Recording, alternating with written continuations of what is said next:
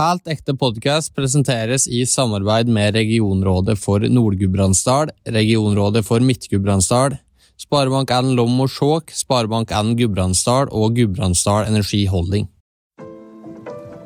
Det du tenker og føler og gjør, det henger i hop. Da er det i hvert fall for meg enklere å føle at det er ekte. Men hvis det du tenker og føler er én ting, og det du gjør er noe annet, da er det vanskelig å føle at du er helt ekte. Du hører på Helt ekte med inspirerende gudbrandsdøler. I denne podkasten skal vi prate med gudbrandsdøler som har våga å gå egne veier, fulgt sin lidenskap og vært framgangsrike på sine områder.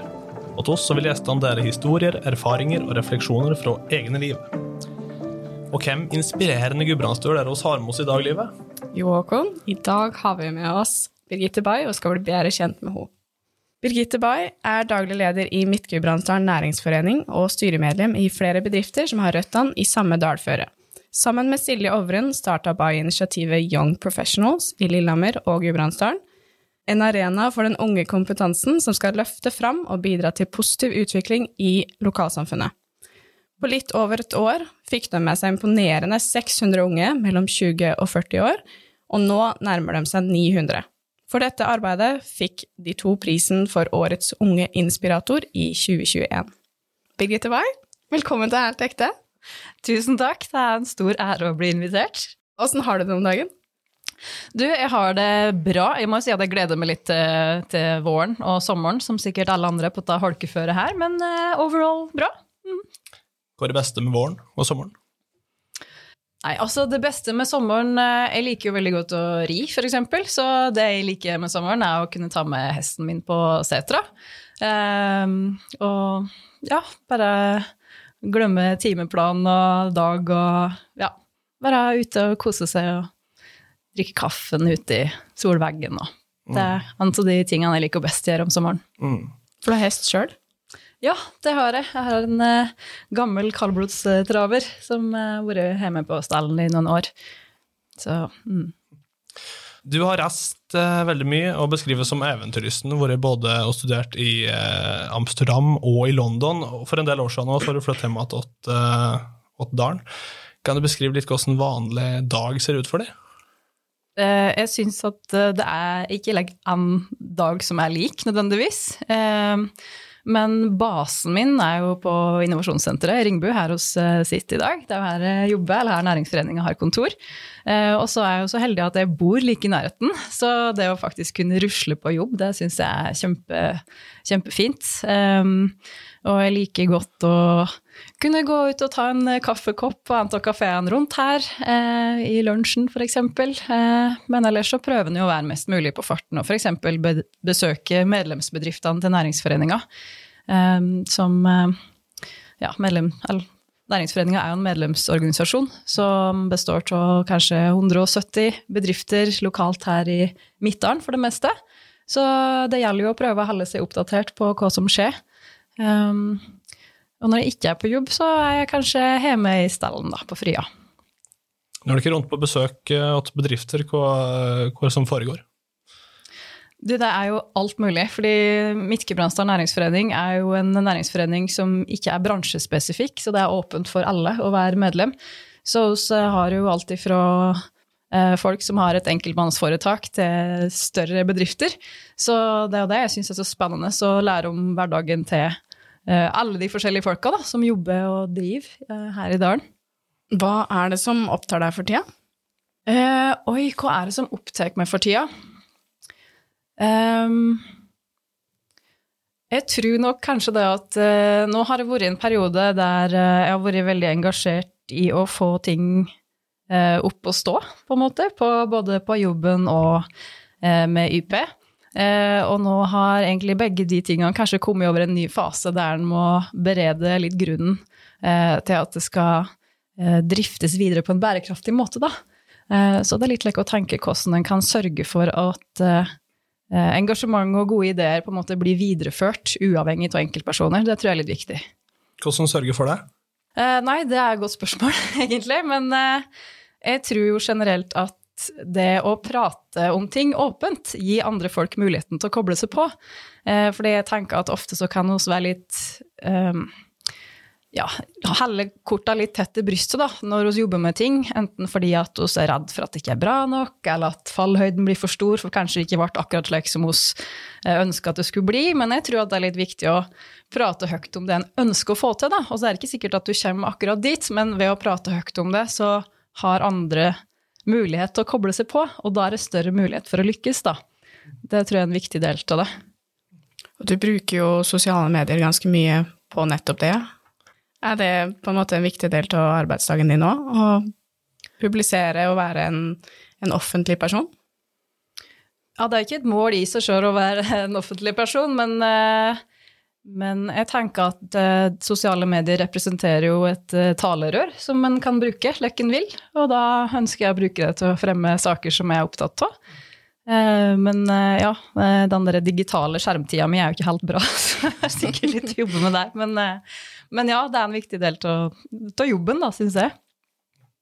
Så fått høre at du lett blir inspirert av fryktelig mye forskjellig. Hva er det som inspirerer deg akkurat nå om dagen? Eh, døkk, egentlig. Så koselig.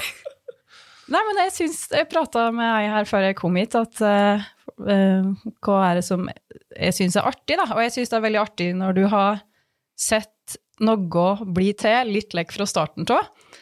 Eh, og kanskje liksom vært med og dytta litt og prøvd å på en måte heie, og så etter kort så ser du at det trengs ikke lenger, for dette her ruller og går helt fint. Eh, så jeg blir kjempeglad når jeg ser folk fere til. Eh, det gjør meg skikkelig inspirert. Se folk som bare tør å gønne på. Det. Så heia dere! ja, takk for det. Det er hyggelig å høre. Prate litt om oppveksten din, Birgitte. Du er oppvokst på en gard på Friårsletta. Eh, kan du fortelle litt om barndomsåra dine der? Ja.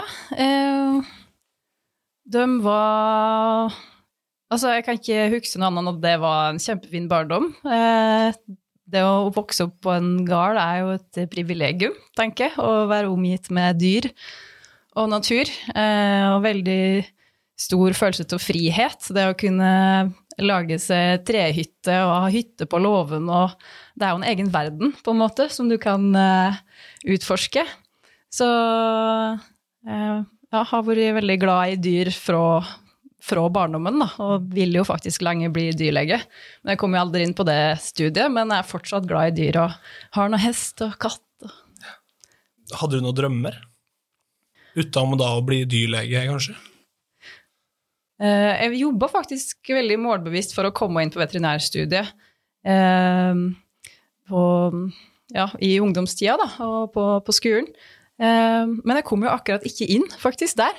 Så, og det, i etterkant så tenker jeg at det var jo kjempebra, for da hadde jeg gjort det, så hadde jeg jo ikke opplevd alt det andre jeg har opplevd. Så selv om det ikke blir akkurat slik som du kanskje tenkte på det tidspunktet, så, så blir det noe annet som kan være vel så bra, da.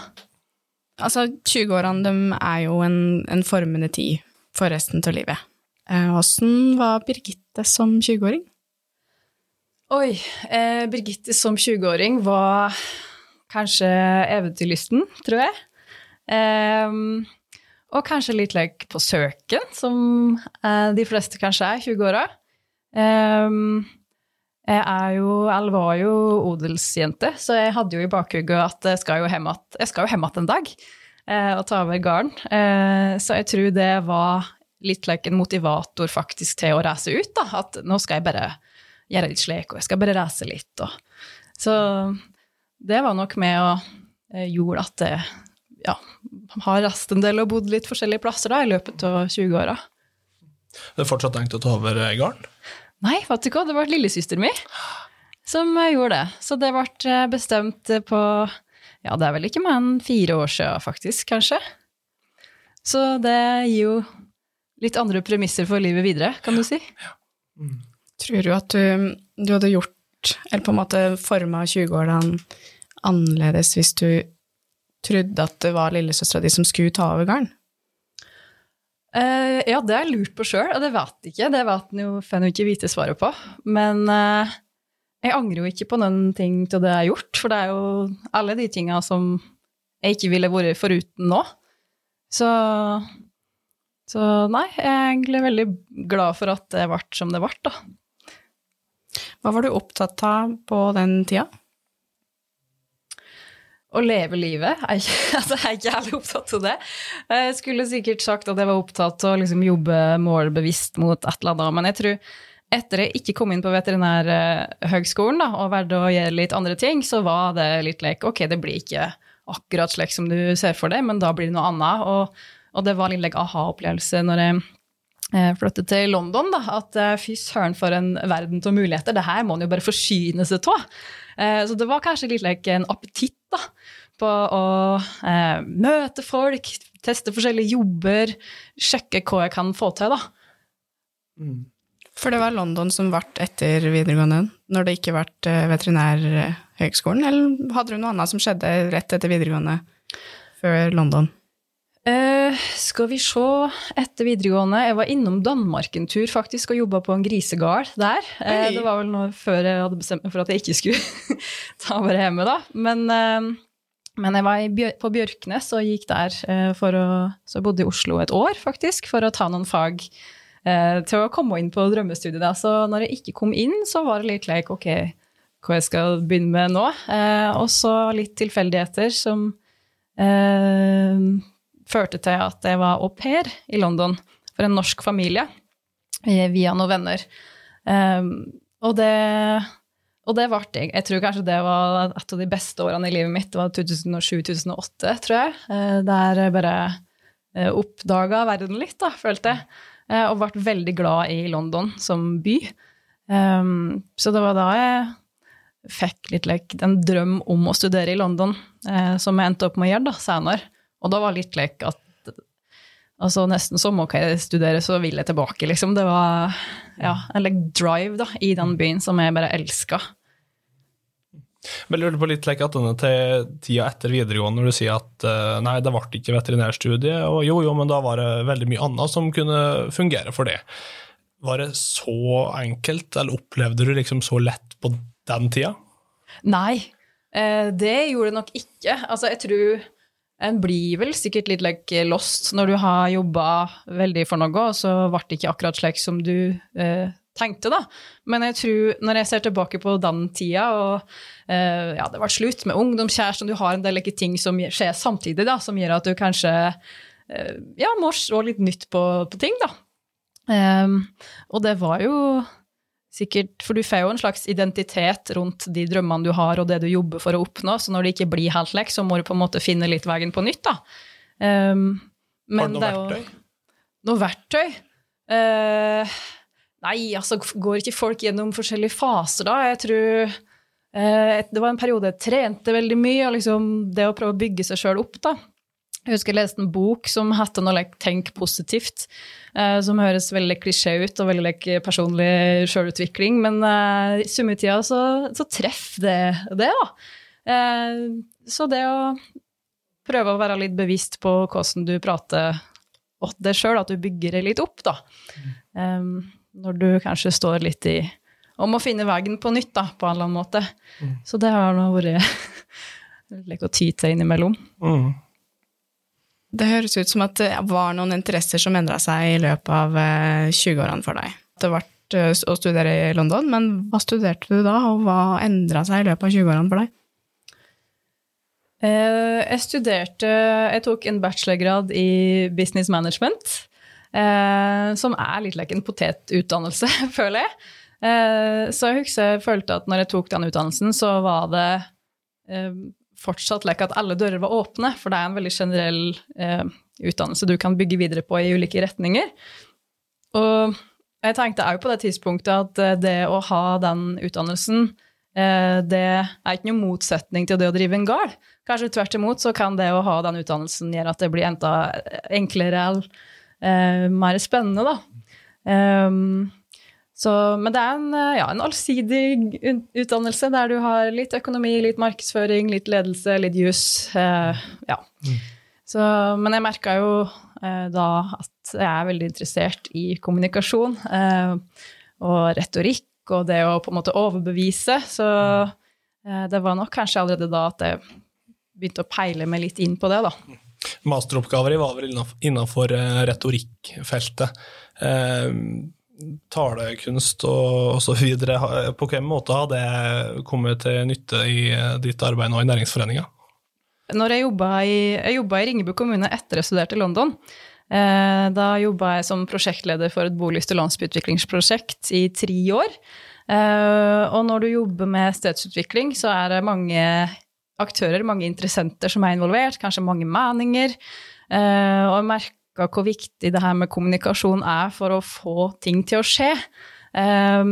Og når jeg da var interessert i kommunikasjon og formidling fra før, så, ble, så jeg tok en master innenfor kommunikasjon eh, etter de tre åra.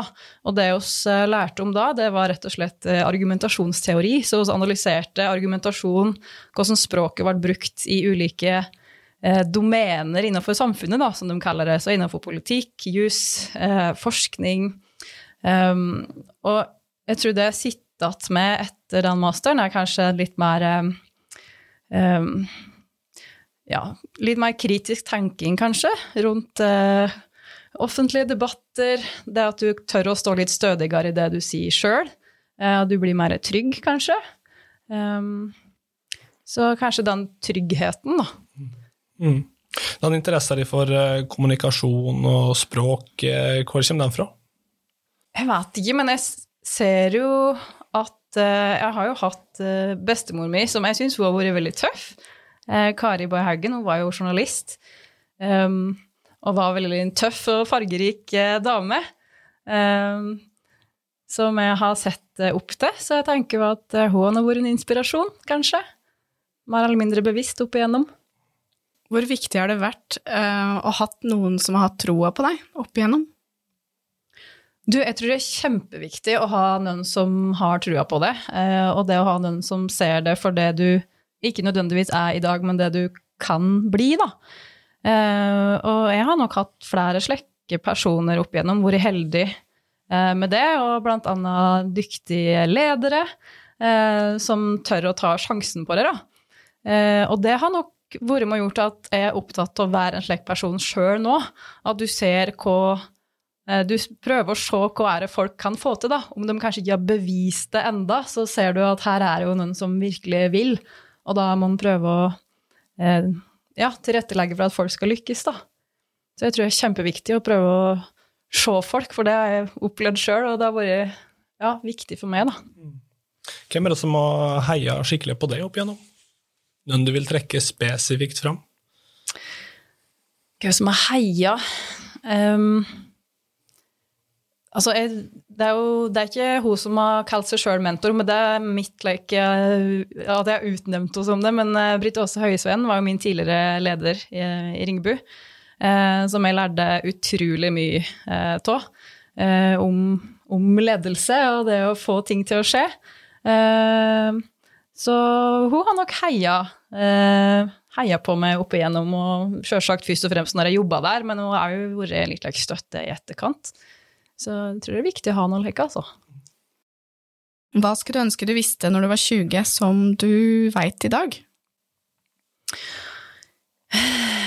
Oi. Jeg tror at uh, jeg skulle chilla litt mer på at det er ikke så farlig at du må liksom finne ut hva du skal bli. Uh, for jeg var litt lost på det og tenkte at uh, ja, nå skal jeg tilbake til Gudbrandsdalen og ta over den garn, men så har jeg en utdannelse fra London, og så vil jeg gjerne reise mer, og liksom, det passer ikke inn i noen bokser, da. men så skjønner jeg jo det at nå er jeg 34 og vet jo fortsatt ikke hva jeg skal bli når jeg blir stor, og det går helt fint. Det er ikke sikkert du trenger å finne en boks, da. At du faktisk kan gjøre forskjellige ting. Så hvis jeg kunne bare slappe litt mer av med det, så kunne jeg kanskje ikke, ikke stressa så da, rundt det. Du er jo omtalt som eventyrlysten, vært mye utenlands, eh, både Amsterdam og London, også jo nevnt. Eh, hva tok du med deg i ryggsekken fra Gudbrandsdalen når du eh, flyttet både til Amsterdam og London? Eh, hva jeg tok med i ryggsekken, ja. Jeg tror jeg tok med en, eh, en stolthet Eh, stolt gudbrandsdør. Det har jeg liksom alltid vært. Jeg har aldri skjønt den her når folk liksom ikke vil stå for hvor de kommer fra, eller at det liksom skal være til noe hinder eller noe. Jeg syns jo bare at det har vært en styrke som jeg har prøvd å maksimere egentlig i alle sammenhenger. Eh, så det å ha med seg litt sunt bondevett i ryggsekken tror jeg bare er en kjempefordel. Du hørte du beskrive deg sjøl som ei byjente på bygda, men bonde i byen? Ja, men det stemmer jo. Altså, når du kommer fra Altså, du kommer så fra bygda som du kan komme fra, på, midt på Friasletta på en gard som driver med griser, liksom, men så samtidig så har du bodd halve 20-åra i, i forskjellige byer, så blir du jo Du har opplevd kanskje det beste fra to verdener, da. Så ja, jeg føler meg litt som byjente på bygda, og når jeg er i byen, så er jeg jo bondeknølen, da. Så kanskje litt begge deler. Hvor trives du best? Åh, det er så vanskelig å velge. Jeg har tenkt at det er liksom livets oppgave, at du må velge. Men jeg må bare akseptere eller jobbe for at jeg, ikke, må slippe å velge, tror jeg. For jeg trenger begge deler. Jeg trenger livet på bygda, og eh, jeg kjenner jo at jeg trenger livet i byen. Så det eh, tror jeg at eh, All det jeg jobber er å skape da, for meg sjøl et liv der jeg kan ha begge deler. Og prøve å tenke, For jeg tenkte nok kanskje før at jeg må velge, men så tenker jeg at det er jo en like, begrensende tanke, egentlig, at du må det, for du må jo kanskje egentlig ikke det. Når du var ute og studerte, hvordan forma de åra di som person? Um, jeg tror kanskje at det å være ute eller å ha studert forskjellige plasser, da, og, og opp igjennom det møtt på ulike eh, både sjelegranskinger og utfordringer, og så har du eh, stiller dere sjøl en del spørsmål om hva, det her egentlig, hva du egentlig driver med for nå. Eh, men så går det jo alltid bra. Og det er kanskje litt lek Det ordner seg. Eh, den tryggheten der, da, eller den erfaringa som du etter kort får, at eh, du kan prøve forskjellige ting, og enten så blir det som du tenkte at det skulle bli, eller så blir det noe annet, og det er helt greit. Så den, den vissheten der, da, kanskje. Du sa jo i stad før du kom inn hit òg at enten så går det bra, eller så går det over. Ja, men det er jo lek. Mm. Er det ikke det, da? Og så er det jo flåsete, det er jo lett å si enten så går det bra, eller så går det over, men, eh, men jeg tror jo litt på det, da, at en skal prøve å ikke ta seg sjøl så veldig eh, høytidelig. Altså, en skal, en skal være seriøs med det en jobber med og det en driver med, men jeg tror at hvis en begynner å ta seg sjøl altfor seriøst, så blir du redd for å prøve, da. Så jeg tror at en eh, må Det må den ikke bli. Å prøve å unngå.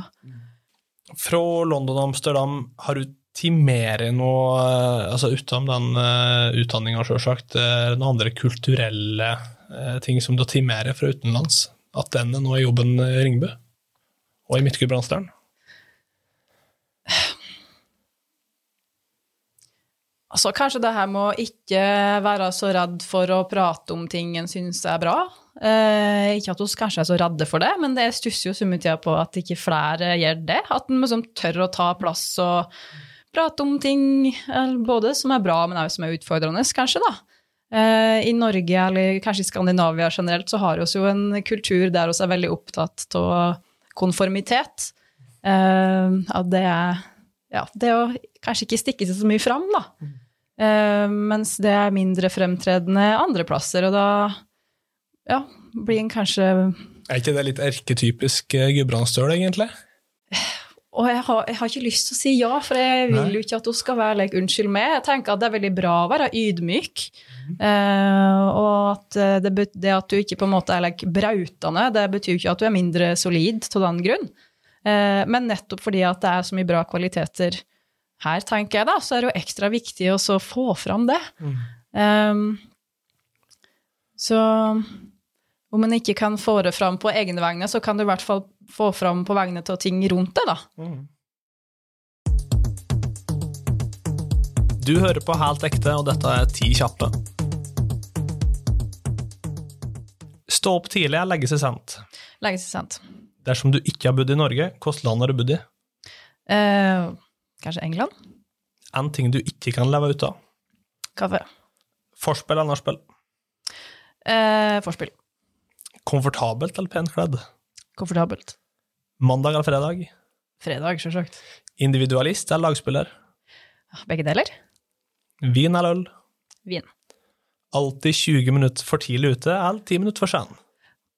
Å, jeg prøver å være Hærland tidlig ute, da. Favorittplass i Gudbrandsdalen? Fria.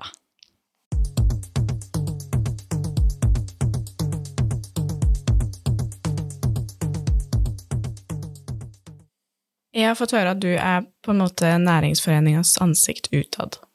Åssen syns du det er å stikke seg ut slik? Um, jeg syns jo det er Eller i hvert fall i starten så er det jo alltid skummelt å skulle ta plass. Uh, men uh, hvis en har fokus på det en skal oppnå eller ut med, så er det jo det du må tenke på. Men jeg syns det for var mye mer skummelt å skulle sitte her, for nå skal jeg ikke nødvendigvis snakke om en sak, jeg skal bare reflektere rundt andre ting. Um, men jeg tror jo det kommer jo Hvis du har en jobb der du ønsker å oppnå noe og er avhengig av oppslutning fra andre rundt deg, så kan du ikke være redd for å være synlig, da. Jeg tror det er en del av det. Jeg lurer på, Har du opplevd noe, en stor motgang eller noe som har vært særlig krevende eh, gjennom egentlig ditt liv? Som gitt deg noen refleksjoner eller ikke etterkant? Nei, aldri opplevd noe krevende. Det har vært kjempelett hele tida. Nei eh, Hva jeg skal si der, da? Eh, det var jo en eh, prosess å bestemme seg for om jeg skulle ta gården eller ikke eksempel. Jeg var jo ganske voksen når jeg tok det endelige valget. Var jo faktisk over 30. Um, ehm, så det sprata på det faktisk eh, her forrige helg med noen som liksom sto i litt lignende situasjon. Da. Så, har, du prat, har, du tenkt lenge på det her? Jeg bare, ja, ca. 30 år. Uh, for det er jo alle som kommer fra gard, Alle kjenner til da, de følelsene som man har rundt det. Eh, men heldigvis i familien vår så ble vi også enige om at det var Nikoline som skulle ta over. Så da ble det i hvert fall garn eh, i familien, da. Og det er det viktigste for meg. Men det, det var nå en prosess, det kan jeg si. Hvem du hadde som sparringspartner? Har du liksom bare reflektert sjøl, eller hvordan du kom fram til svaret? Jeg har reflektert mye sjøl, det har jeg. Men jeg har jo prata med gode venner. Um, og i familien. Um, og så har vi hatt noen veldig dyktige rådgivere. Uh, Hallesby, uh, som jobber med gardsoverdragelser i, i Norge. Uh, og det var når de kom inn i bildet, så ble det liksom fart på sakene. For de har kunnskap om alt fra det økonomiske til det juridiske til det relasjonelle, og alt det her som det innebærer å ta over en gard, eller ha en, et generasjonsskifte på en gard. Så, så, hvis jeg skal gi en anbefaling til andre nå som står i den situasjonen, det er kanskje noen gudbrandsdøler som gjør det, så tenker jeg at eh, de har gitt ut en bok. Den heter 'Eierskifte i landbruket'. Eh, og den, eh, den, i den så står det veldig mye nyttig om alt fra økonomi til juss til relasjonelle ting og alt det du både lurer på og ikke visste at du burde lure på, for å si det. Per Tofte har jo vært gjest hos oss her i Helt ekte og hadde en egentlig tilsvarende situasjon som du, men hadde ikke selv lyst til å ta over gården. og eh, Jeg klarte egentlig ikke helt å sette ord på eh, hvor forferdelig det var å, si fra seg gården liksom, og fortelle heimen at dette her er ikke noe jeg har lyst til. Hadde du kjent på noe press eh, i forbindelse med å ta over gården? Nei, eh, jeg har vært veldig heldig, for det har ikke vært noe press eh, i hele tatt. Eh, så det er jo kanskje derfor det tok den tida det tok, eh, å på en måte komme fram til det, da. Så jeg har vært veldig heldig. Jeg tror nok at eh, det ikke nødvendigvis er slik. Eller jeg håper jo at det er litt mer moderne i dag, at det er mye mer valgmuligheter. Men jeg tror de fleste som står i det valget, kjenner jo på en form for press. Om det ikke er fra foreldrene, så er det kanskje fra seg sjøl f.eks. Om at eh, du burde eller skulle, eller at du bare ikke har tenkt på noen andre muligheter. da. Så, Kjente du på det? Um, fra deg sjøl, liksom? Fra seg sjøl? Uh, ja, det tror jeg jo. Fordi du er på en måte bare født i den rolla. Så du stiller kanskje ikke så mye spørsmål. Det er bare slik du er. Du er, du er odelsjente. Det er en del av den du er, da. Um, så du stiller kanskje ikke så mye spørsmål ved det før den problemstillinga virkelig blir aktualisert. Da. Mm. Så da må du ta noen runder med deg sjøl og sortere litt. Så den, eh, den jobben har jeg nå gjort. Mm. Um, så jeg har veldig forståelse for alle som står i det, i hvert fall. Mm. For en del år siden så eh, flytter du hjem igjen. Hvorfor, eh, hvorfor gjorde du det? Nei, da var jeg jo ferdig med masteren i Amsterdam. Eh, og jeg hadde bodd i et kollektiv eh, der jeg hadde et bitte, bitte lite rom. Det var egentlig ikke et soverom, det var akkurat plass til ei seng. Eh, men slik er mar- husmarkedet i Amsterdam, så eh, flyttet jeg hjem igjen, og det var da på tide å ta valget med garn. Eh, og når det var tatt, og så var søsteren min gravid, det skjedde veldig mye på en gang da. Eh, og for å være helt ærlig, så hadde jeg ikke noen like, kjempeplan på hva jeg skulle gjøre videre hvis jeg ikke skulle ta over garn. Eh, men så dukka nå den jobben eh, i Næringsforeninga opp. Eh, og det var noen som var veldig overbevisende om at eh, dette her er en veldig spennende eh, stilling. Og da tror jeg det var liksom summen av alt, litt like timing, at uh, dette høres spennende ut. Det er litt like, ligner litt på det jeg jobba med før. Jeg ser at her, jeg har, her kan jeg bidra.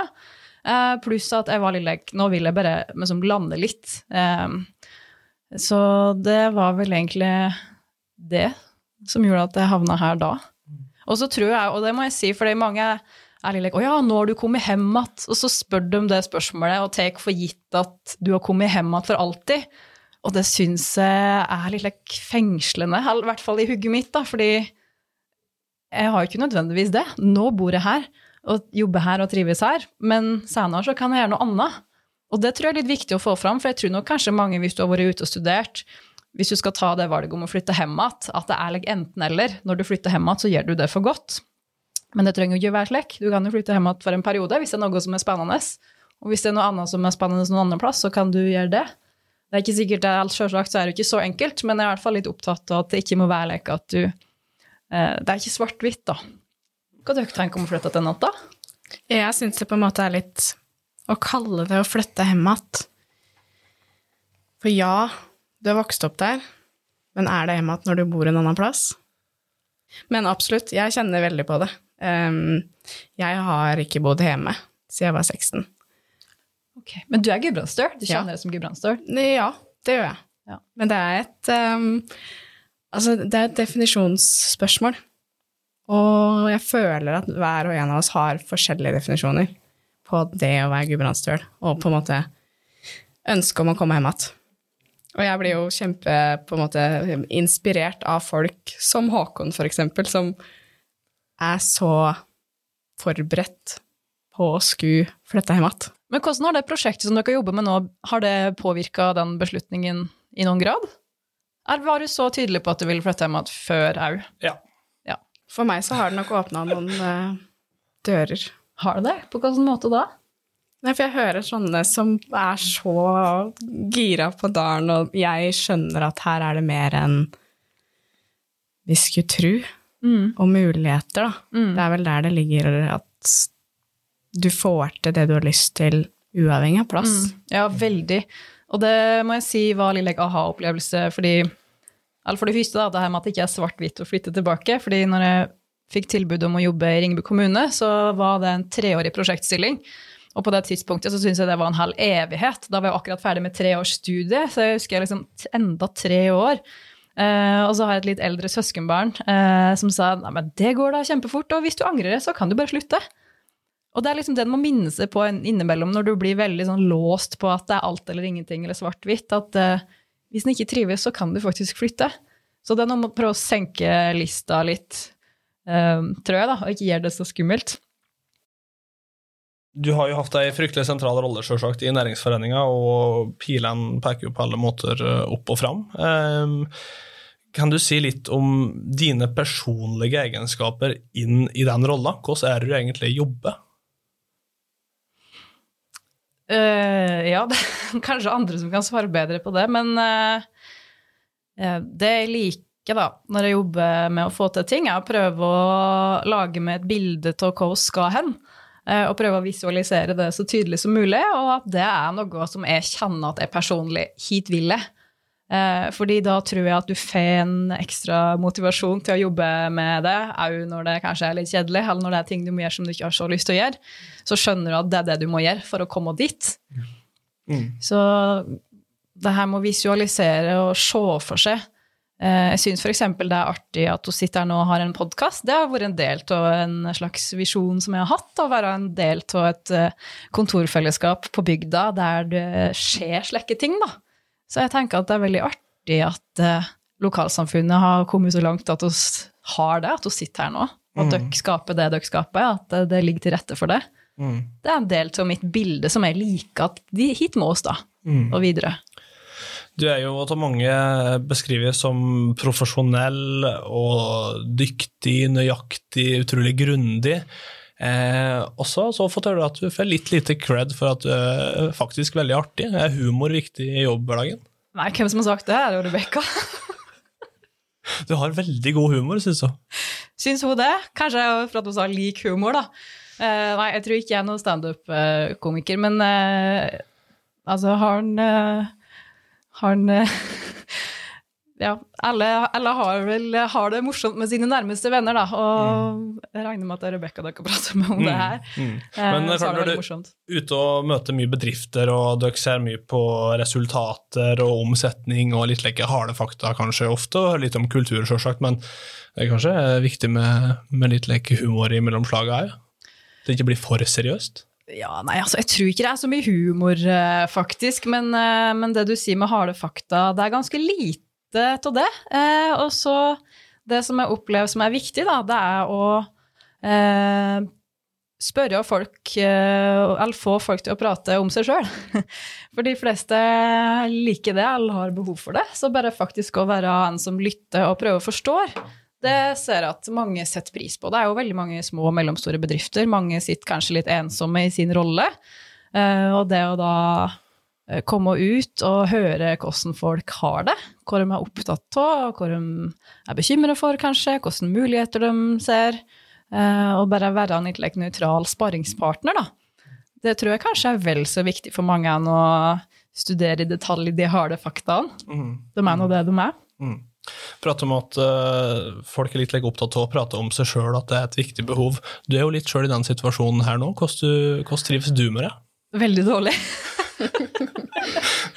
Du liker egentlig å sitte på Mia og Live sin side og stille Ja, vet du spørsmål? jeg syns det er kjempekleint. Og jeg, jeg bare sa jo ja, og så tenkte på etterpå hva er det jeg egentlig har sagt ja til her? For ja, skal du liksom være i næringsforeninga, da, eller hvilken hatt skal du ha nå? Og så bare Nei, jeg tror jeg skal bare være meg sjøl, eh, uten ha hatt. Eh, og det er jo ganske uvant, for jeg liker jo å være litt på andre sida og være den som forteller historier om andre.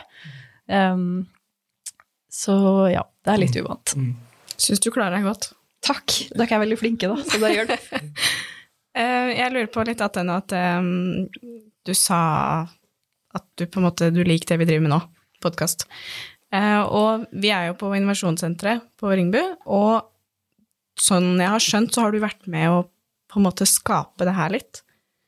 Den plassen her, den møteplassen, sjølve innovasjonssenteret. Eh, det blir nok ikke riktig at jeg tar æra for det, for det er veldig mange andre som har vært med og gjort. Men eh, jeg jobba jo i Ringebu kommune når det var under planlegging.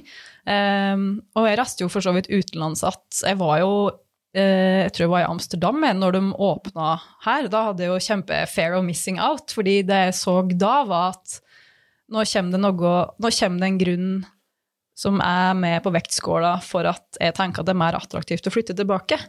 Fordi det her kan bli et miljø. altså jeg prata med noen her om dagen om at jeg tror slike type plasser representerer en form for eh, sosial infrastruktur da, som er kjempeviktig hvis du skal ha folk til å flytte hit og trives her. Jeg merker jo, Det hadde jo noe å si for meg når jeg takka ja til jobben i Næringsforeninga. Da var jo bare én ansatt, så det at jeg visste at de hadde kontorplass her, eh, det var med og gjorde at eh, ok, men da er det litt mer attraktivt. For da vet jeg at det er et miljø her. Det er de tilbudene som ligger eh, rundt her, og det, hvis en har bodd litt i by, så liker en jo å kunne eh, rusle ut og ha forskjellige tilbud og kvaliteter i nærheten, da. Um, så ja, jeg har nok kanskje brant litt for at det skal bli et uh, miljø her, da. Fordi jeg tror det er viktig. Jeg kjenner at jeg trenger det sjøl, og jeg tror ikke jeg er alene om det, så jeg tror det er viktig. Hvordan ble du møtt blant næringslivet i dalen når du kom hit som ung og nyutdanna? Jeg kan ikke huske noe annet enn at jeg har blitt møtt på en veldig positiv måte, egentlig. Eh, Folk eh, er jo imøtekommende og syns at det er bra at det kommer nye folk som eh, vil få til ting. Så det har nå egentlig vært en positiv opplevelse, syns jeg. Var det mange andre på din alder som òg hadde valgt å flytte på den tida, liksom? Var det en avgjørende faktor? Uh, nei, det var ikke en avgjørende faktor. Uh, og det, dette her er jo kanskje litt av grunnen til at uh, Young Professionals er borti til. At det er ikke nødvendigvis så enkelt å flytte tilbake til bygda. Når, det må en bare si og være ærlig på. At når du er kanskje i 20-åra eller begynnelsen av 30-åra, og spesielt hvis du ikke er etablert med familie, så kan du jo lure på hvorfor en skal flytte hit. fordi mye av samfunnet er jo organisert rundt på en måte familielivet, da, kan du kanskje si. Um, mens uh, jeg savna nok å se liksom, flere i samme livssituasjon uh, som meg, og jeg ser jo at det, fins jo litt rundt omkring. Uh, og det er ikke at en skal bare henge med folk som liksom er lik seg sjøl, det, det, handler egentlig ikke om det i hele tatt. Men jeg tror at en trenger å ha et fellesskap der du kan føle tilhørighet og henge med like-minded folk, da. og så møtte jeg jo Silje Eh, fra Lillehammer. og eh, ja, Resten er nå historie, men nå har det jo blitt eh, et nettverk, og gjennom det så har jeg blitt kjent med nye folk, og, som absolutt har gjort at det er enda mer attraktivt å bo her, da. Så hele um, ideen bak Young Professionals Kan du fortelle litt mer om Ja, du møtte Silje, åssen starta det? Og hva Hvor kom det fra? Jeg tror at det som er så bra med bygda, er at eh, hvis det er noe du savner, så kan du skape det sjøl. Eh, så enkelt er det selvsagt ikke støtt, men det var i hvert fall motivasjonen bak Young Professionals. At en eh, savna et miljø, og så møter du andre som kjenner på det samme. Og så bestemte vi oss bare for å gønne på. Altså, Silje skal ha litt å ære til det, for hun er veldig tøff. Altså, jeg tenkte nok kanskje at hun skulle tide liksom gjennom slek og søkt om støtte og liksom ditt og datt og gjort alle de her eh, riktige stegene, men så landa vi vel egentlig på at eh, kanskje gi mer eh, Hva jeg skal si, da? Det appellerer kanskje mer hvis du bare gjør det i kraft av at du er det sjøl, da. Uten at du går gjennom en rolle eller gjennom en organisasjon eller noe lek. Eh, så det var det at oss savna det miljøet sjøl, egentlig, som gjorde at oss eh, starta det, da. Mm. Jeg tror nok at det er mange som har tenkt eh, akkurat de tankene som dere antagelig satt med da, men det forskjellen for å tenke det og, så, og ville det og gjøre det, som Per sier, så hva som gjorde at dere virkelig faktisk gjorde noe mer? Jeg tror det er litt lek at uh, du tar et valg, da, liksom, da visste du at nå skal jeg bo her. Da må jeg på en måte feil å si gjøre det beste ut av det, for det høres ut som at det legger dere B-option å bo her, for det er jo et valg jeg har tatt. Men, men, det valget han har tatt, da, nå bor jeg her, og da ønsker jeg å gjøre det meste og det beste ut av det. Og det å skape seg et miljø, hvis ikke det miljøet fins allerede, det ble på en måte en del av det, da. Um, så det handler litt om å kanskje ta fullt ansvar for å ikke ikke sette seg i like, offerrolle og peke på alle andre som skal sørge for at det blir som du vil at det skal være, men å prøve å skape det sjøl, da. Det har jeg litt trua på. Det er veldig mange som skulle, det skulle vært slik, og det skulle vært slik, og det er veldig lett å peke på andre som skulle mm. løst det, men jeg tror veldig mange har egentlig ganske gode muligheter sjøl til å være med og påvirke, til å skape ting slik at det blir slik som de vil ha det, da. Mm. Og Young Professionals er da et nettverk for dem som er mellom 20 og 40 i dalen. Åssen kommer vi inn der? Du, det er ganske enkelt. Det er jo en Facebook-gruppe som heter Young Professionals uh, i Lillehammer og Gudbrandsdalen. Uh, og det er for det som er mellom 20 og 40, og som uh, har ambisjoner på egne vegne og på andres vegne, som liker å ja, slekke som dere, egentlig, da. Uh, og tenke at da må vi finne sammen, for det er så artig å møte og, møtes og prate med folk som har lyst til å få til ting.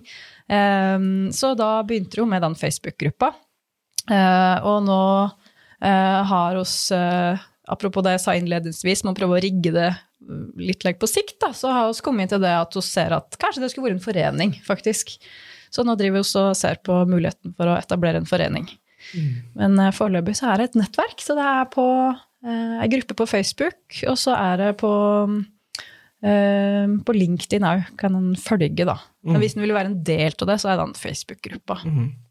Det er ett felles nettverk, men så har dere òg flere underkategorier eller fokusområder egentlig innunder eh, YP. Kan du si litt mer om hva det innebærer? Ja, det er jo Altså Helt i starten, når det ble eh, i gang, så var det invitert hos dem som ville, til å komme hit på innovasjonssenteret, faktisk. Eh, for å finne ut litt like, ok, her er oss en haug med engasjerte folk som har bestemt oss for å flytte hit og bo her, og hva er det vi har lyst til å sette fokus på, som vi har lyst til å engasjere oss i. Eh, og på bakgrunn av det så ble det forskjellige grupper. Så ei gruppe som jobba med eventer, altså sosiale møteplasser. Eh, så var det noen som eh, hadde lyst til å engasjere seg i at det skulle være flere yngre inn i styrerommene. Eh, så styreprogram Nå ble det jo faktisk et styreprogram med hjelp å skoppe og holde krafttak for grønn vekst. Så det som jeg har tatt litt lengre tid, men det er liksom om så noen frø, da. Så skal vi se. Du har event, ja. Styregruppa. Rekruttering. Det er mye snakk om hvordan kan du rekruttere til distriktet. Eh, og der tenker vi at ja, oss som har kommet hit, oss har jo eh, et ansvar egentlig da, for å fortelle dere andre hva dere går glipp av. egentlig, Og kanskje fortelle arbeidsgivere eh, hva er det de kan bli litt flinkere på da, for å tiltrekke seg folk eh, hit. Eh, hva kan arbeidsgivere bli flinkere på i dalen? De kan bli flinkere på å fortelle historiene om hvor mye spennende som skjer ikke bare i virksomheten, men i lokalsamfunnet rundt. Fordi at eh, når du velger å ta en jobb, så skal du ikke bare ta den jobben, du skal jo ta den pakka som det livet er. da. Og i hvert fall hvis du skal appellere til noen som kommer utafra da, så er det jo ikke kun jobben du skal velge. Du velger jo den livsstilen. Og da lurer du kanskje på hvordan, liv, hvordan blir livet hvis jeg flytter hit.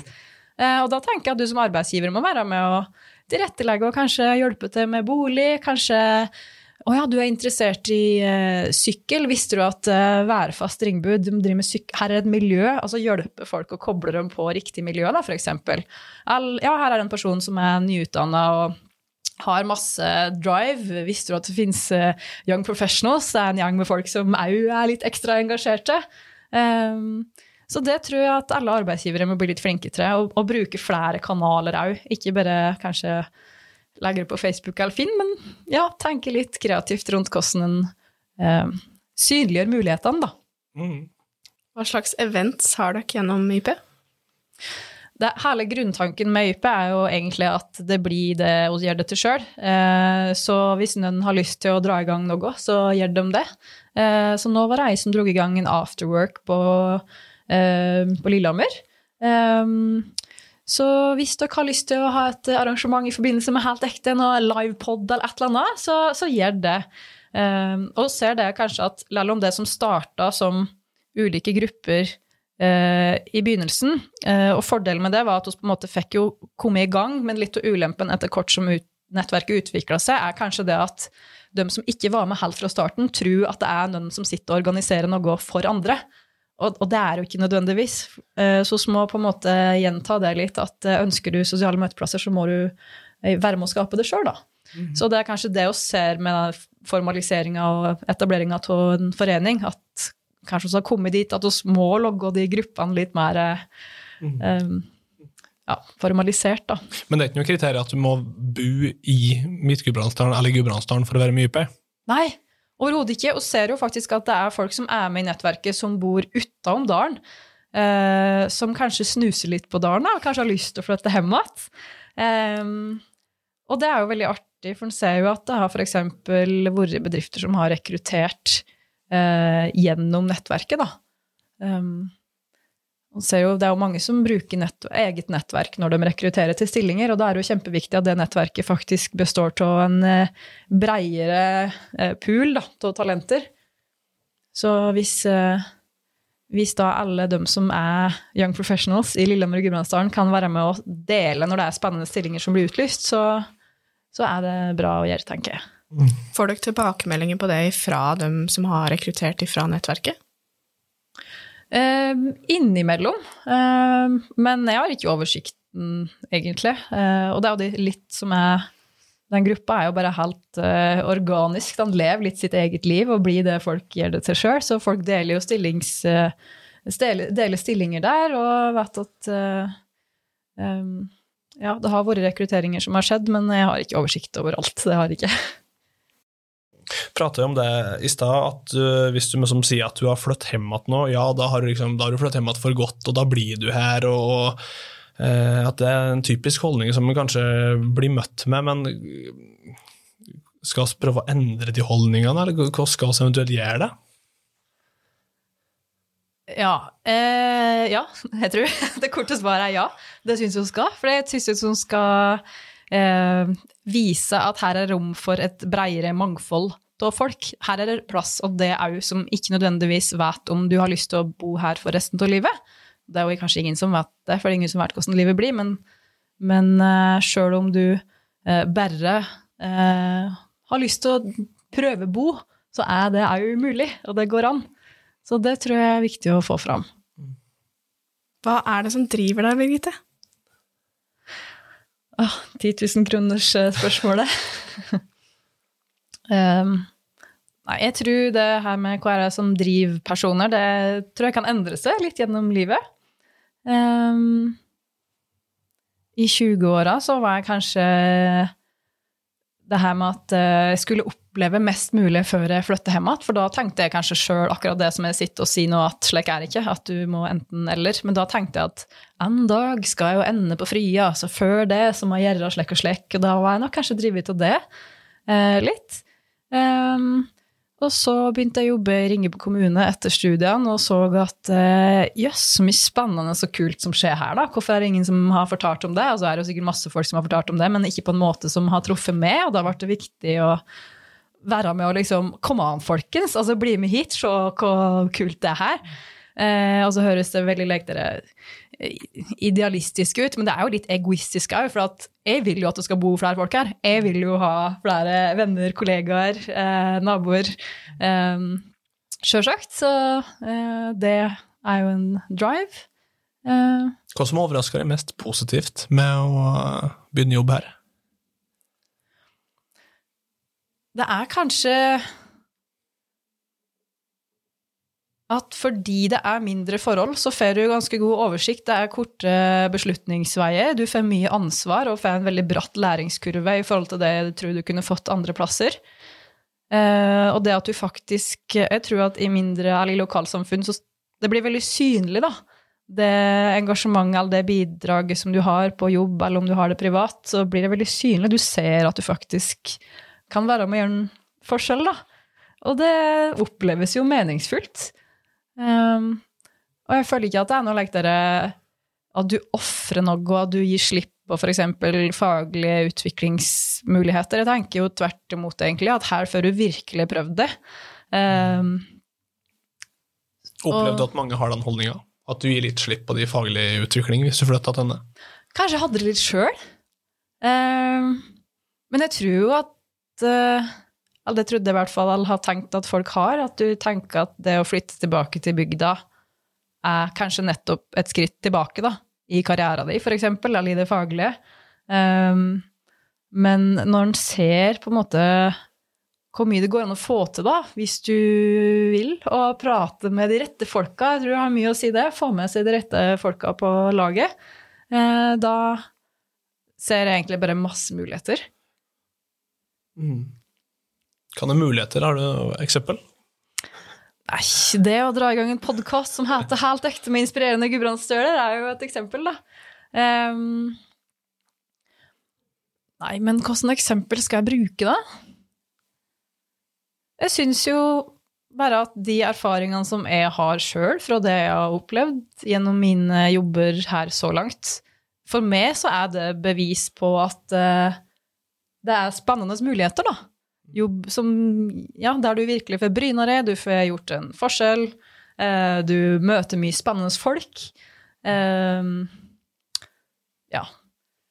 Jeg tror En må liksom bare prøve det, få den erfaringa sjøl, tror jeg. Mm.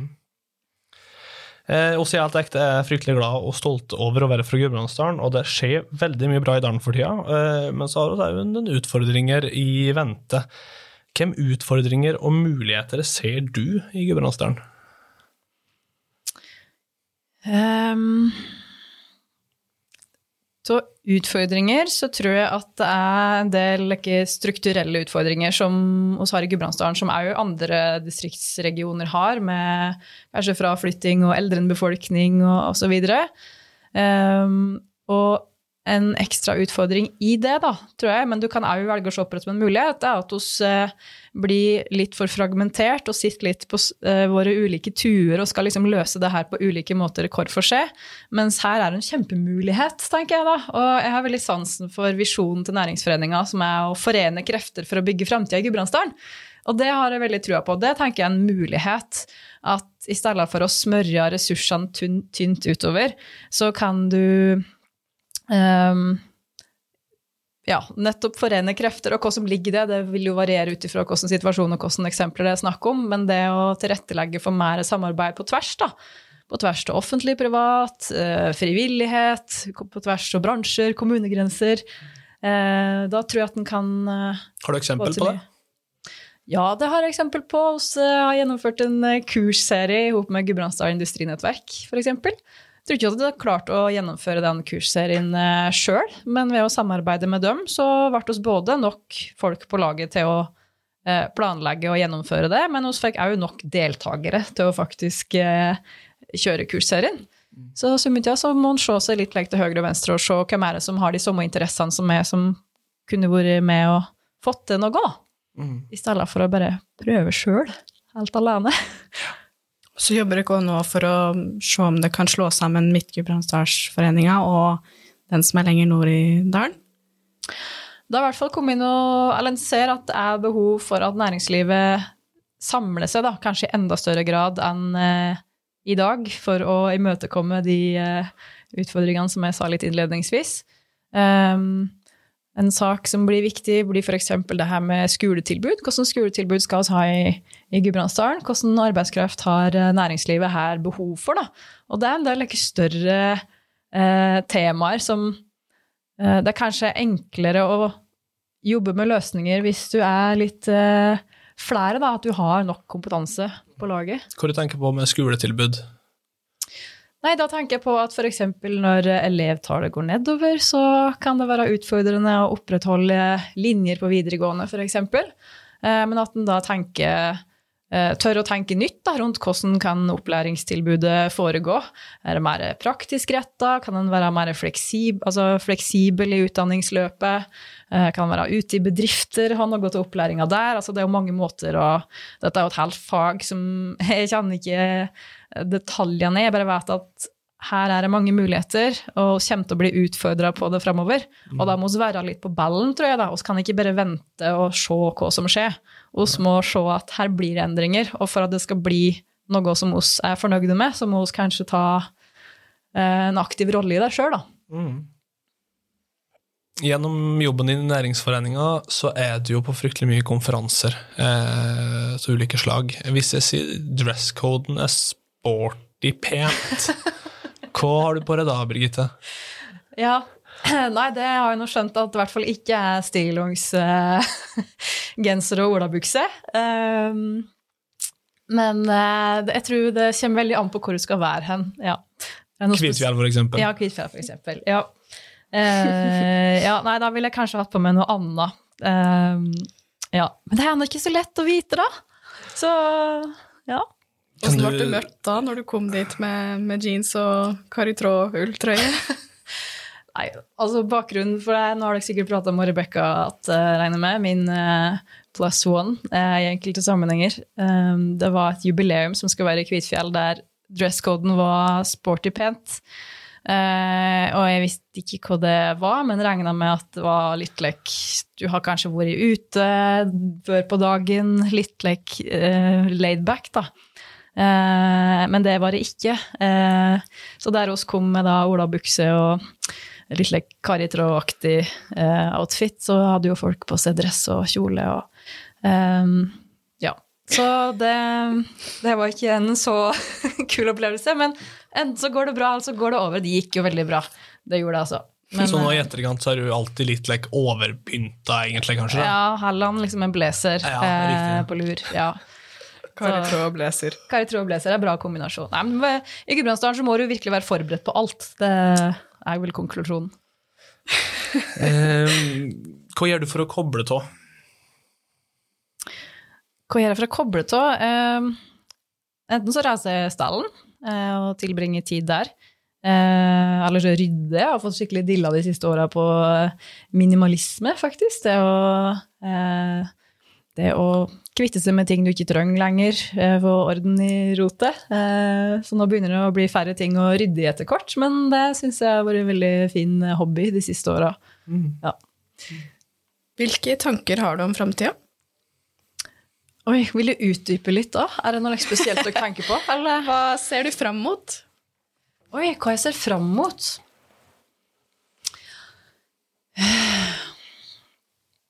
Det jeg ser fram mot, er egentlig at uh, jeg skal prøve å skape meg et liv nå med litt andre premisser enn jeg vant til, nå som jeg vet at jeg ikke skal ta over en gård. Uh, og selv om den avgjørelsen ble tatt for nå er det vel tre-fire år siden, så oppleves det faktisk fortsatt som litt nytt og uvant. Eh, så det tenker jeg at her er det masse spennende muligheter som jeg bare må utforske. Og jeg vet ikke helt hva det skal bestå av ennå, men det er akkurat det jeg tenker at det blir artig, da. Å finne litt ut av. Har du noen store planer for ting du skal, eller ting du må gjøre? Nei, jeg har sjelden store planer for ting jeg må gjøre. Men uh, det jeg har lyst til, som vi har prata litt på før, da, det er at uh, jeg har lyst til å skape meg et liv der jeg kan både ha en fot i Gudbrandsdalen uten å være stuck her, liksom. Der jeg samtidig kan reise, kanskje jobbe litt, være operativ andre plasser da, og få impulser utafra. Men samtidig like at jeg vil ikke gi slipp på dalen. Det er en en viktig del av den jeg er. Og, uh, ja, jeg liker meg her, da, så jeg vil ha begge deler. Så planen er Og jeg vet ikke hvordan, men det må bare ordne seg. Så hvis jeg hører på den podkasten om ti år, så har jeg kanskje fasiten på det. Men uh, å skape seg et liv der du kan ha både litt Gudbrandsdal og litt uh, resten av verden, da. Prater om pendling. Ja, kanskje rett og slett hete pendling. Er det dit hun skal? Kanskje. Jeg vet ikke. Så får vi se. Si fra når du har svaret på den der. Jeg skal si fra når jeg har svaret. Mm. Ja. I tråd med vårt konsept, helt ekte, hva vil du si det betyr å være helt ekte? Det jeg tenker på da, når du sier det, det er at uh, det du tenker og føle og gjør, det henger i hop. Da er det i hvert fall for meg enklere å føle at det er ekte. Men hvis det du tenker og føler er én ting, og det du gjør er noe annet, da er det vanskelig å føle at du er helt ekte. Om du skulle gitt ett råd til en ung gudbrandsdøl i dag, hva hadde det vært? Nei, Hvis jeg skulle gitt et råd til en ung gudbrandsdør, så tenker jeg at det å komme fra Gudbrandsdalen er ingen begrensning. Det er tvert imot representerer masse muligheter. Eh, mange av de jobbene som kommer til å være i framtida, er jo ikke funnet på engang. Kanskje det er akkurat du som skal finne på den jobben. Eh, og det å tørre å gi Gudbrandsdalen en sjanse, da. Eh, fordi det trenger ikke bety for resten av livet ditt, det kan kanskje bare være for en periode. Det syns jeg folk skal tørre å ta sjansen på, altså. Birgitte Bay, tusen takk for at du kom hit til Helt ekte. Tusen takk for at jeg ble invitert. Jeg heter Liv Agnete Haugen. Og jeg heter Håkon Onderud, og du har hørt på Helt ekte med inspirerende gudbrandsdøler. Podkasten ble spilt inn på Innovasjonssenteret i Ringebu. Teknisk produsent var Arne Mathias Myhren. Musikken er komponert av Scarworks, og prosjektleder i Helt ekte er Sivert Rønn Sætre.